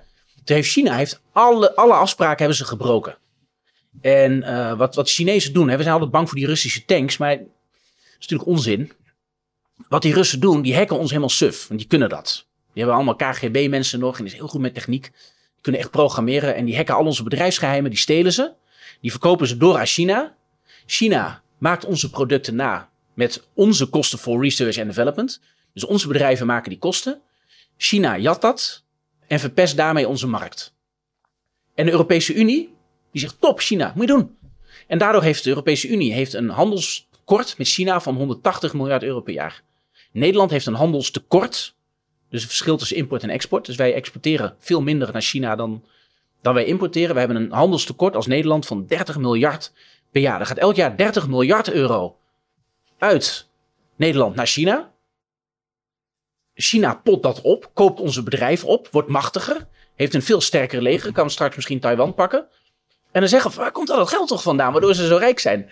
Ja, dat was ons geld, dat was onze, onze welvaart, dat waren onze banen, dat was onze middenklasse die ooit fatsoenlijke uh, banen hadden. En je krijgt nu dat, die klimaatpaniek, die klimaatgekkigheid, die gaat het nog alleen maar erger maken. Want uh, dan zeggen we van ja, nou, het verdrag van Parijs, we gaan allemaal CO2 terugbrengen. En uh, als je daar niet aan houdt, dan zijn er geen consequenties. Dan zegt China, mooi, nou, houden wij, ons, houden wij er ons niet aan. Dus alle bedrijven die wij hier dicht doen, die verhuizen nu naar China. Waardoor zij straks nog meer handelstekort, handelsoverschot met ons hebben. Ze potten dat op en daarmee kopen ze onze bedrijven op. Havens in Griekenland bijvoorbeeld, die zijn allemaal verkocht aan de Chinezen. Dus wordt Griekenland dan beter van die situatie? Denk ik niet, maar goed. Uh, en dat, dat, dat, dat gaat van kwaad tot erger. En het stomme is nog dat om die handel vervolgens te faciliteren, die de Chinese Communistische Partij heel erg rijk maakt om die handel te faciliteren, uh, krijg je veel langere logistieke ketens die extreem milieuvervuilend zijn. Dus om het klimaat te redden ga je meer CO2 uitstoten en China rijker maken. En dat, dat is het gevolg van het beleid van de Europese Unie. Ja, maar dus de Europese Unie maakt het slechter. Dus dat zijn allerlei redenen van. Uh, daar, moet, daar moet je gewoon mee stoppen. En de, de Europese Unie die beschadigt, die beschadigt echt gewoon op zeer ernstige wijze de levens van de mensen in de lidstaten. En dat is dus het probleem met, wat we het in het begin over hadden met, met Kaag, die dan niet weet wanneer, of ze niet in Niger was. Ik geloof haar op haar woord. Zij is niet bezig met die levens van die mensen. Zij bekijken de wereld niet vanuit het belang van de man in de straat.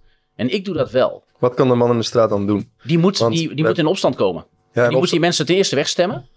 En ten tweede, als jij zorgheld bent en je wordt op deze manier word je gewoon gepakt. Ja, dus, oh, coronacrisis, gaan we heel veel geld bijdrukken zodat die zorggeld erop achteruit gaat. Staken. Die mensen, die verplegers, gaan staken. Maar dan ben je weer afhankelijk van anderen. Wat kan ik, ik persoonlijk doen? Um, op korte termijn. Um, qua financieel. Ja, uh, je, maar je gaat niet rellen of zo, hè? nee, nee, nog niet. Nog niet. Zit, ik zit nog niet tegen mijn achterin te staan. Ik voel het wel worrelen. Ja. Hij staat nu nog in een knot zitten, maar dat kan gewoon los. Ja, dat, uh, zo, dan loopt hij op haren af en dan gaan we. En dan, uh, nou ja, kijk, je zal. Uh, ik zou proberen om te sparen, want je krijgt. Kijk, het, het, gaat van kwaad tot erger de komende tijd. En dat is omdat je, je zit nu met, al in de situatie met negatieve rente. En die wordt alleen maar negatiever en dan gaan er al, allerlei hele gekke dingen gebeuren. Dus je zal contant geld moeten afschaffen, CBDC krijg je enzovoort. Dus hoe meer spaargeld jij hebt, is een algemeenheid, hoe beter jij bent voorbereid op uh, welke mogelijkheden dan ook. Dus zorg dat je je uitgaven in de, in de gaten houdt en ga sparen. En op korte termijn is dat eigenlijk het enige wat je voor jezelf kan doen. Ik kan geen trucje bedenken waardoor die huizen ineens wel Nee. betaalbaar zijn. Dan zul je die banken moeten afbreken. Maar eh, sparen, dan verlies je natuurlijk koopkracht met deze inflatie. Eh, ook nog beleggen dan? Of eh, hoe zou dan, dan- kijk, dan moet je er ook rekening mee houden dat.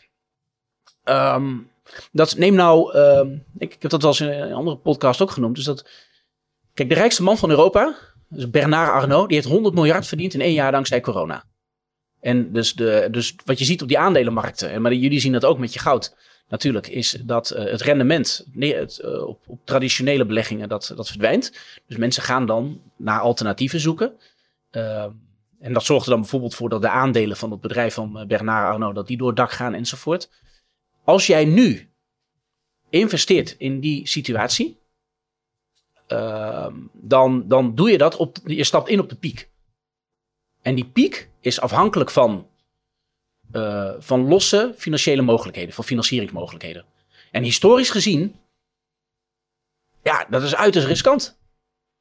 Dat, dat, dat is wachten op een, op een crash. En alle, alle, alle, alle, alle metrics, die, die, die zijn gewoon bijzonder instabiel. Ik vergelijk de, de, onze aandelenmarkt, je moet het zo zien. Stel dat je, stel dat je naar, naar, naar, Oostenrijk gaat, je gaat naar de après-ski bar. En je ziet, oké, vooruit, je ziet mij daar. Uh, en ik heb uh, iets te veel van die, van die shotjes op, hè? Die, vleugeltjes. Daar, van die vleugeltjes ja. en die dingetjes. Ik vind het heerlijk om te skiën. Hè? Dat, uh, dus, je zou mij daar in het wild zo kunnen aantreffen. En ik, ik, ga, ik doe op een gegeven moment iets heel geks. Ik sta op één hand op de bar. En ik heb hier een glas en daar een fles. En, uh, en intussen staat de barman mijn shotjes te voeren terwijl ik ondersteboven hang. Ja, van die Tiroler muziek op de achtergrond. Australisch atje. Ja. Dat is heel, absoluut, juist hem. En dan kijk jij naar die situatie en jij weet één ding. Jij weet, dit is instabiel. Dit is een, het hoeft niet meteen te vallen. Misschien neemt hij nog twee shotjes, neemt hij nog drie shotjes. Maar dit, dit gaat met heel veel bloed en pijn en glasscherven en, en weet ik wat. Dit, dit gaat slecht eindigen. Dat, dat, dat, zie, dat zie je in alles. Je kijkt ernaar en je weet het is instabiel. En dat roep ik al een tijdje. Uh, maar ik weet niet wanneer dat echt gaat klappen. Alleen ik, ik wijs mensen alleen op het bestaan van die instabiliteit. En als die voorwaarden die ten grondslag liggen aan, uh, aan het feit dat ondanks de instabiliteit dat ik op de bar, ik, ik val nog niet om. Het, het, lijkt nog een evenwicht te zijn. Als die voorwaarden verdwijnen, bijvoorbeeld de rente gaat weer omhoog, um, dan, uh, dan stort dat kaartenhuis in. En dat is wat ik in het begin zei. Dat is een wetmatigheid in de geschiedenis die voor de volle 100% geldt. Behalve de bubbel waar je nu in zit. En als je het nu dus zou instappen met uh, uh, bijvoorbeeld in, in, in, aandelen, dan. Als je niet instapt, dat is het akelige. Als je niet instapt, mis je dat rendement. Ja, want een paar jaar geleden heb je natuurlijk al een paar keer gezegd bij Weltschmerz ook van jongens, geen huis kopen, want die prijzen zijn te hoog. En als je dat dus geluisterd had, dan had je drie jaar of vier jaar van uh, de grote ja, groei gemist. Ik heb wel, ik, ik, ik heb wel altijd gezegd, uh, want straks kan, stel dat iemand dan naar mij luistert, dan geen huis koopt en dan kan die nu opbellen en zeggen, ja, omdat jij dat zei, heb ik nu. Ja, we geven geen duizend... financieel advies, even heel ja. duidelijk maken. Ja, precies. Ik zeg niet, ik zeg niet wat je wel nee. en niet moet doen. Ik zeg alleen, ik wijs alleen op die gevaren, instabiliteit die daarin zit. En om die instabiliteit, uh, uh, om daar de nare effecten van weg te masseren en voor je uit te duwen, heb je centrale banken die extreme dingen doen. En met name de Europese Centrale Bank. Mario Draghi heeft gezegd, I will do whatever it takes to save the euro. Nou, je kan dat veel van die man vinden, maar hij... Uh, hij houdt zich aan zijn woord. Hij houdt zich aan zijn woord. En hij doet extreme dingen. Dus hij, hij veroorzaakt giga-inflatie. Uh, waardoor ook huizen bijvoorbeeld voor de jeugd onbetaalbaar worden. Dat is dan, kennelijk is dat een, uh, een, een, een, een, acceptabele uh, afruil. Mensen accepteren dat. Nou oké, okay, ja boeien, dan moet de jeugd maar kapot joh. Ja. Ja, als die euro maar blijft bestaan. Maar Uh, en als daarmee wordt gestopt, dan, uh, dan krijg je grote problemen. En wanneer dat precies is, ja, dat is dus een beleidsmatige keuze. Dat is de, de, de elephant in the room. Ja, wanneer, sla, wanneer gaat hij heen en weer slaan met zijn slurf? Ja. Dat weet ik niet. Nou, mooi bruggetje. En, en, de, en de, want, want dat, dan moet je ook niet vergeten dat um, uh, als je naar die maatregelen kijkt, zoals die eurobonds en het op centraal Europees niveau kunnen lenen. Daarom dus eurobonds invoeren. Hè? Want een eurobond is een, is een obligatie die vanuit Brussel wordt uitgegeven. En met die belasting in. Uh, tenminste, uh, je moet belasting heffen om daar de rente over te kunnen betalen. Dus je moet naar Europese belastingen toe. Dus je krijgt een Europese superstaat. Uh, die beslissing is genomen in december van 2019. toen heb ik net gezegd, van ja, dan moet je dus een excuus verzinnen om dat in te voeren. En dat was dan, toen kwam dat virus, dat bood zich aan. Dat was fantastisch. Hè? Dan kon je zeggen, ja, oh, we moeten nog een ronde QE doen, bijvoorbeeld vanuit de centrale bank. Ja, dat is altijd Pandemic Emergency Relief uh, iets. Purchasing Program. Pro program, dat is het. Ja, het is pandemic. De P zit erin van, ja, ja, we willen het niet, maar het moet nou eenmaal vanwege die pandemie. Maar dat is natuurlijk niet waar, want we hadden het er kort in de auto eventjes over. Um, weet jij nog wat er op 12 september 2019 gebeurde? Nee, ben bang voor niet. Daar ben jij niet meer mee bezig. Nee. Uh, en het is geen, het is geen uh, strikvraag of weet ik wat. Het is niet zo dat je nu niet naar de borrel mag die we hadden aangekondigd. Maar uh, je had toen de repo market crisis. En de repo market is in Amerika, dat is de, de markt voor, voor, voor tweedehands staatsobligaties. En bedrijven kunnen daar obligaties kopen en verkopen als ze contant geld over hebben of liquide middelen. Het is heel logisch dat er zoiets is. En toen hadden de centrale banken die hadden gezegd van, nou weet je wat, dat QE, dat bijdrukken van geld, daar komt hij dus hè. Dus dat is de, de instabiele situatie met, uh, met de dronken man op de bar die op zijn hand staat. En die, iedereen duwt hem een beetje en je weet dat gaat een keer fout. Die centrale banken die zeiden van nou, we moeten onze handen een beetje terugtrekken. Want uh, we hebben nu zoveel geld gecreëerd, er is zoveel liquiditeit. Dat noem ik ook altijd. Hè? Dat, er wordt altijd gedaan alsof dat bijgedrukte geld, alsof dat in de economie terechtkomt. Maar dat is niet waar. Dat is aantoonbare onzin. De, de balansen van die banken die ontploffen. Dat is wat er gebeurt. Omdat ze het niet willen uitlenen. Omdat, dus er worden dus geen productieve schulden aangegaan met dat bijgedrukte geld. Omdat het, uh, wij zitten al zo tot over de, onze oren in de schulden. Onder andere door die stomme hypotheken en overkreditering uit het verleden. Dat meer krediet gaat jou niet uit jouw kredietcrisis helpen. Maar die centrale, dus, die, uh, dus dat geld dat blijft opgepot zitten in die banken. Uh, ING heeft bijvoorbeeld door die. Ze hadden eerst iets van 55 miljard uit mijn hoofd, 53 of 55 miljard euro overtollig geld. Toen kwam dat PEP, Pandemic Emergency Purchasing Program. Nu is het 120 miljard. Dus dat geld komt nooit in de economie, dat blijft zich ophopen. Maar in ieder geval, dat is een proces dat jaren gaande is. En toen zeiden de centrale banken in Amerika, die hebben gewoon het idee geopperd van, joh, we hebben zoveel liquiditeit gecreëerd bij die banken. Wij kunnen wel stoppen eigenlijk, toch? En ze, maar er werd alleen, het werd niet eens gedaan. er werd gewoon een beetje gespeeld met het idee. En boom, toen knalde die rente in Amerika omhoog. En toen, toen was er gewoon acute paniek. Toen dachten we van shit, we hebben een nieuwe kredietcrisis. En toen hebben die centrale banken die hebben gezegd. Met name in Europa heeft, heeft de Europese Centrale Bank, die heeft op 12, december, 12 september 2019 hebben zij aangekondigd van wij gaan nog een tandje extra doen. We moeten volgend jaar even bedenken hoe we dat gaan noemen. Yes, pandemie, kunnen we daar onderschuiven. En op 12 september 2019 hebben zij besloten dat ze zelfs beleggingen van banken die verlies maken, zullen ze gaan kopen. Dus als jij Deutsche Bank bent en jij hebt een, een bezit op jouw balans staan met een negatief rendement, omdat het zo'n stomme beslissing was geweest om, uh, om dat actief te kopen. Het zijn bijvoorbeeld leningen die het verstrekt die nooit meer terugbetaald kunnen worden aan mensen. En de centrale bank heeft gezegd, wij zullen dat kopen. Wij zijn, wij zijn bereid wij zijn bereid om dat te kopen en daarmee redden wij die banken. Dus dat is heel extreem. Maar, zei de, zei de ECB tegen die politieke leiders, tegen Rutte, Kaag, Hoekstra, van... Dan moeten jullie beginnen met het afbouwen van die Europese uh, superstaat met belastingen. Dat is, dat, dat, dat is eigenlijk de, de, de achtergrond hierbij. En dat, en dat hebben ze toen dus gedaan. En dat kan nu dus inderdaad allemaal onder dat, dat, dat kopje van die pandemie worden geschoven. Maar dit toont dus maar aan dat je op dat moment dus het, de situatie waarbij uh, de rentes op die repo market omhoog schieten. Wat betekent dat, de, dat als de Amerikaanse overheid in dat geval, maar Griekenland, Italië enzovoort, die zouden dat voorbeeld hebben gevolgd. Als die schuld zou willen uitgeven, dan moet dat tegen een veel hogere rente. Uh, een stijging van de yield in de obligatiemarkt betekent dat de koers van die obligaties daalt. Die gaat de andere kant op. Dat is, uh, dat is logisch. Dus dan zou je een situatie hebben gehad. Die had je toen eigenlijk al heel eventjes. Maar dit is meteen weer ingegeven. Maar die situatie was dus in september 2019. Ik zal het niet meer vergeten. Ja. Nee, en, maar, niemand, maar, niemand, maar jij, jij hebt het hier niet over. Ja. ja. En, en, en, niemand heeft het hier nu over. En dat begrijp ik volledig. Omdat mensen zijn bezig met die pandemie. Wat gebeurt er met mijn bedrijf? Uh, gaan we naar een QR-samenleving? Mensen zijn met van alles bezig. Maar ze vergeten dat wij in 2019 september 2019 hadden wij al een mini-kredietcrisis, omdat centrale banken zeiden van wij gaan stoppen met stutten. Ze hoefden het idee maar te opperen. Of er kwamen al problemen. En zo'n situatie zal zich in de nabije toekomst, kun je heel goed voorstellen, zal zich weer voordoen. Als bijvoorbeeld centrale banken gaan zeggen, nou misschien moet de rente omhoog.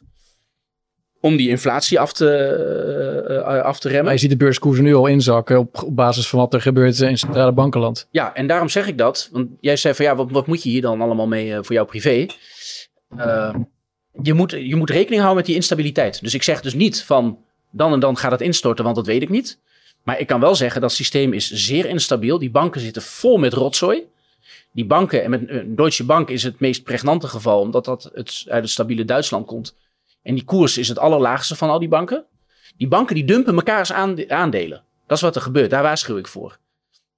En dat geeft aan dat er heel veel financiële instabiliteit is. Centrale banken zeggen, nou, dan gaan wij wel met een, met een kanon gaan we, uh, op de samenleving schieten. We knallen er allemaal geld overheen. Uh, dat heeft zeer nadelige herverdelende effecten. Dus de huizenprijzen die gaan door het dak. Vastgoedspeculanten worden lachend rijk. Prins Bernard, die te besodemieterd was om die mensen een optreden te geven bij zijn Formule 1. Die heeft vorig jaar 20 miljoen euro verdiend dankzij de centrale bank. Gewoon één man, ja. één prinsje. En ik, ik gun het hem, hè, als jij lekker rijk wil worden. Dat, dat is prima, maar zijn winst van 20 miljoen, dat, is, dat komt uit jouw zak. Het, het is een, een, herverdelend, een herverdelend effect. En ooit gaat... ik zeg, ja, gozer, kom in opstand. Je hoeft helemaal niet zo braaf te zijn van mij. Ik bedoel, jij, uh, gooi die haren los. Uh, dat doet dat geen kapsel. Maar, ja. um, en zodra uh, de, jij en de verpleger en allemaal andere mensen, zodra die um, uh, zoveel politieke druk weten uit te oefenen, bijvoorbeeld op de centrale bank, of omdat die centrale bank zelf ziet van ja, wat wij doen is gewoon onacceptabel. Hè? Huizenprijzen plus 20% Dan moet je afremmen. De centrale bankier moet toch snappen dat dit het moment ja. is om, om af te remmen. Dat, dat gaat een keer afgeremd worden en dan stort hij die koersen weer in. Helder, helder. Ja, we moeten, daar moet je klaar voor zijn. We moeten gaan afronden zo Arno, want we gaan een hapje eten. En uh, ja. de, de, magen die rommelen. Maar misschien nog om, om, uh, om, een laatste vraag te stellen. Oh ja, borrelen hè? Gingen we het over. En we gaan even gaan borrelen. Maar ik wil ook wel even weten van jou nog. Uh, want geheid dat we in de comments gaan lezen. Arno Wellens voor president of minister van Financiën. Zie jij jezelf ooit ehm, in de politiek om onder meer je plannen ook uit te voeren? Of blijf je Kijk, liever in, in de journalistieke rol? Ten, ten, um, ik, terwijl we het hierover hebben. Het is, uh, mogen mensen mogen niet liegen tegen mensen. Dit is, uh, dit is niet live. Hè? Als het nu, hè, wie u ook bent en uh, wanneer u het ook kijkt, is per definitie niet live. Want het wordt later uitgezonden. Wij zitten nu op het moment dat bij de Voice of Holland, dat dat wordt gesloopt in een ja, tv-uitzending. Echt een probleem van de ja, wij hebben, wij hebben vlak voor... Ja. Um, vlak, voor de, vlak voordat wij hier ingingen, is die uitzending begonnen. Dus wij worden. Dus wij komen straks. Uh, ja, zij is in een ander land, maar jij wil heel, heel buiten. Ja. er gebeurt van alles nu. En, en, wij hebben daar geen, geen weet van. En kijk, wat daar gebeurt bij de Voice of Holland, maar daarom noem ik dat, is dat. Uh, maar dat is een symptoom van iets. En dat is dat mensen in de media. Um, machtige mediapersoonlijkheden, om het zo maar te noemen. zij vinden kennelijk dat zij het recht hebben om dingen te doen. Dat zij in een machtspositie zitten om bijvoorbeeld een jong meisje te betasten. En dat is een symptoom. En ik zie dat, ik leg dat verband één op één. En als mensen mij stom vinden, moeten ze het zelf weten. Maar ik leg dat verband één op één met eigenlijk onze hele mediacultuur. En uh, dat, is dat, dat is gewoon een, een ongezonde situatie die aan elkaar hangt van netwerkcorruptie. En wat er eigenlijk gebeurt is dat, uh, dat adverteerders en subsidieverstrekkers, die hebben een veel te grote invloed van wat er op de redactievloer wordt wordt besproken. En zo krijg je dan gewoon je machtige mensen die gewoon dingen beslissen. En die zullen dan op een gegeven moment ook zeggen, vinden dat zij daar in seksuele zin voor uh, beloond mogen worden. Op de apenrots werkt dat, werkt dat ook zo. En ik wil dat hele Hilversum, ja, net als die banken, ja, sorry mensen, ik wil voor allemaal dingen weg hebben, maar dan kan er iets voor, voor, voor, voor, terugkomen. Ik wil dat. Um, um, ik, wil, ik ben bezig om een nieuw medium te maken, waarbij wij nul advertenties en nul subsidie hebben. Want op het moment dat jij subsidie krijgt van de overheid, kun je nooit meer kritisch over die overheid zijn. Nee. Dat gebeurt zelden tot nooit. En over dit soort materie, hè, dus de huizenprijzen, uh, waar komt dat geld vandaan? Hoe zit dat allemaal? Dit zijn allemaal dingen uh, waar niet over wordt gesproken. En, uh, en ik vind dat dat, dat moet beëindigen. En uh, trouwens met adverteerders, dat geeft ook allerlei corruptie. Omdat die adverteerder, die bepaalt gewoon wat er in de uitzending komt. Maar je, het is heel grappig als je nu naar RTL Nieuws kijkt. Elke uitzending van RTL Nieuws heeft een woke dingetje. Dus op, desnoods zullen ze nieuws opbakken. Dus ik, heb een, ik had een keer op mijn website een voorbeeldje van gezet. Dan hebben ze een vrouw uh, uh, die dan als eerste zwarte vrouw uit Senegal... die wilde die meedoen met het onderdeel surfen uh, bij de Olympische Spelen. En dat was dan heel bijzonder. En zou ze het halen, wordt het helemaal opgebakken. Ik zei, wat een raar, wat een raar topic. Want A, eh, in Senegal is, dat is 99,9% ook zwart, dat heb ik eens opgezocht. En, en surfen was nog nooit een, een, een, een onderdeel ehm, van de Olympische Spelen. Dus dat was sowieso, was zij de eerste. Dat is maar dan, dan moet worden benadrukt Ja. hoe belangrijk het is dat ook vrouwen, en dan met name zwarte vrouwen, want surfen was nooit voor hen en dan wordt er naar Senegal gegaan. En ik zei, wat een raar topic, want die Spelen die wa- waren toch uitgesteld. En ik dacht, ik ga even op de Instagram van die mevrouw kijken. En dan blijkt dat zij drie jaar geleden was ze al gekwalificeerd. Omdat ze en tien jaar geleden begon ze met surfen. Dus dan wordt er gewoon letterlijk gewoon een, een drie jaar oud topic of een paar jaar oud topic. Wordt gewoon opgebakken. En dan wordt er gezegd, ja, is heel goed dat vrouwen, die moeten ook... eh, ja, en dan Ja. zo'n presentator, nou ja, mooi hè dat dit gebeurt. Ja, en dan, oh, nu het weer, oh, hart wordt warm. En het is gewoon een, gewoon een onzin topic. En je ziet gewoon op die Instagram van die mevrouw, dus ik, eh, Khadija heet je, zoek, zoek het maar op uit Senegal. Zie je gewoon dat ze zegt, ja, ik mag nu naar de Olympische Spelen. Dus het was ook oud nieuws. En waren er allemaal journalisten bij haar met camera's. En dan zegt ze, oh, dat was zo'n mooie, mooie tijd toen in mijn leven. Dus RTL Nieuws, die bakt dat gewoon op. En ook, en dan beginnen ze ineens over toxische masculiniteit. En dan komt er dat het heel erg is en zo.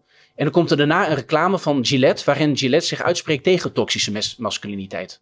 Ja, dat, Dat is allemaal, eh, allemaal met elkaar Dan afgestemd. spreken ze gewoon met elkaar af. Maar toxische masculiniteit, wat is dat voor stom woord? Ja. Ja, dat is als hij... Ja, dat eh, eh, ja, als hij. Dat- Dat is de- Maar, Maar- dat- dat- lang dat- antwoord Dat geeft maar aan. Dus je gaat niet, niet de politiek in, maar je gaat de media Nee, verder. sorry, ik praat heel veel. Maar nee, als mensen niet dat trekken, kunnen ze het filmpje wegklikken. En jij, hebt me, jij hebt me hier naartoe gereden, dus het is ook gewoon jouw schuld. Wat jij hier nog doet, weet ik ook niet. Maar nee, zonder gekheid. Die, er moet gewoon een totaal nieuw medium komen dat geen verleden heeft hierin. En, en, en eh, dat ja, afdoende eurokritisch is.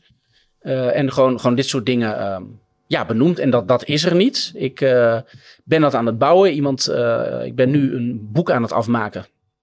Als dat klaar is, dan gaat, de, gaat er een website komen. En dan zou je tegen die tijd zou je dat nog horen. Ik hou de, de, de naam hou ik geheim. Ja, Nog eventjes. Ehm, en dan gaan we dat gewoon helemaal anders doen. En wat mijn doel is, is dat, dat, dat je straks een, een, een derde nieuwsuitzending krijgt. Dus je krijgt dan het, het, het NOS-journaal waar je gewoon helemaal van afstond.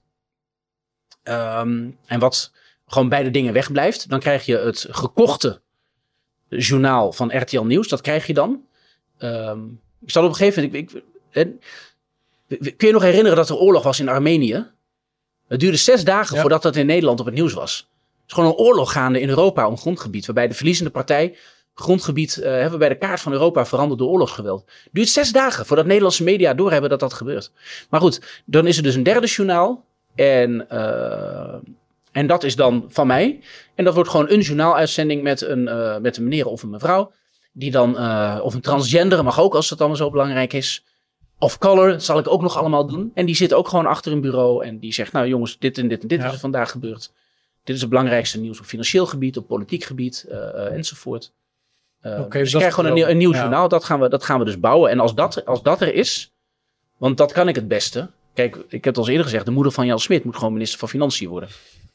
ja. Ja, als zij, eh, als zij zo'n blonde pruik opdoet, opdoet zo'n parelketting, een broche en een beetje kakineuze bril, loopt ze zo, eh Kan loopt ze zo naar Den Haag. naar Niger. zegt ja, precies. Ja. Ze moest ze even Niger, moest ze dan Ja. oefenen, dat Volendamse accent eraf. En dan eh, ziet niemand het verschil met Sigrid Kaag.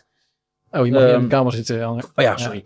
Ehm, En in de tussentijd, hoe kunnen mensen je Maar- eh, volgen en sponsoren en steunen? dat als je dat wil, tegen die tijd moet je inschrijven voor dat, eh, voor dat medium. En als je het nu leuk vindt, ik heb een, een borrelgenootschap. En dat is eigenlijk mijn BackMe-account. BackMe is het Nederlandse Patreon. Dus eh, mensen kunnen zoeken Arno Wellens BackMe. Nou, het staat ook op mijn website over... eh, eh, waarschijnlijk niet heel toevallig het onderwerp waar we het net over hadden. Ehm, dan meld je aan, kan vanaf twee piek per maand. En ik nodig mensen dan uit om te gaan borrelen. Dat is wel... Er zijn wel restricties in verband met eh, met de pandemie. Dus ik ga, dat, eh, ik ga er een beetje omvloerst over, eh, over doen. Maar ja, dan, kun je meedoen met mijn backme en dan hou ik je op de hoogte van wat er gebeurt. En ja, ik, ik heb op een gegeven moment besloten van, ja jongens, we gaan, we gaan er gewoon een borrelgezelschap van maken. En ja, ja, moet, moet er ook gewoon gezopen worden. borrelkerk. Ja, borrelkerk, hè? Dan heb We hebben je... een borrelkerk hebben Ja. we dan, ja precies. Maar dan, dan goed om nog even te benadrukken richting eh, de kijker. eh, dat wij een aparte borrel gaan doen. En dat is dan een borrel die wij zullen betalen. ja, maar dat is echt alleen voor... Bedacht, ja. Dus dan eh, kun je met, eh, met onze jonge god en dan de oudere, mindere Kun je- goden, kun je dan eh, een borrel drinken. Eh, tien. Kun je eh, een beetje opnaaien. ja, beetje of hier nog... Ja, kijk of die, die, die masculiniteit eruit komt. Eh, tien eh, mensen. Eh, eh, met de leukste comments zullen we selecteren. En daarna gaan we een datum prikken. En dat wordt hartstikke gezellig. Dus Ja. eh, laat een comment achter als je graag bij deze kleine borrel wil zijn. En eh, ja, als de datum dan niet werkt voor die persoon, dan zullen we natuurlijk weer andere mensen selecteren. Maar het zal op korte termijn plaatsvinden. Eh, en eh, nou, we, we zien het graag tegemoet. Ja, Hartstikke leuk. gezellig. En jij super bedankt eh, voor je komst. Arno, had jij nog iets, Joris? Nee, ik had, het is wel mooi geweest, hè? is wel Ja. goed geweest. Wij gaan keer eten, eten. begreep ik. Ja, Hey, ik geef je een hand, Arno. Tuurlijk. Dat was erg leuk. Dank je. Ja. Interessant.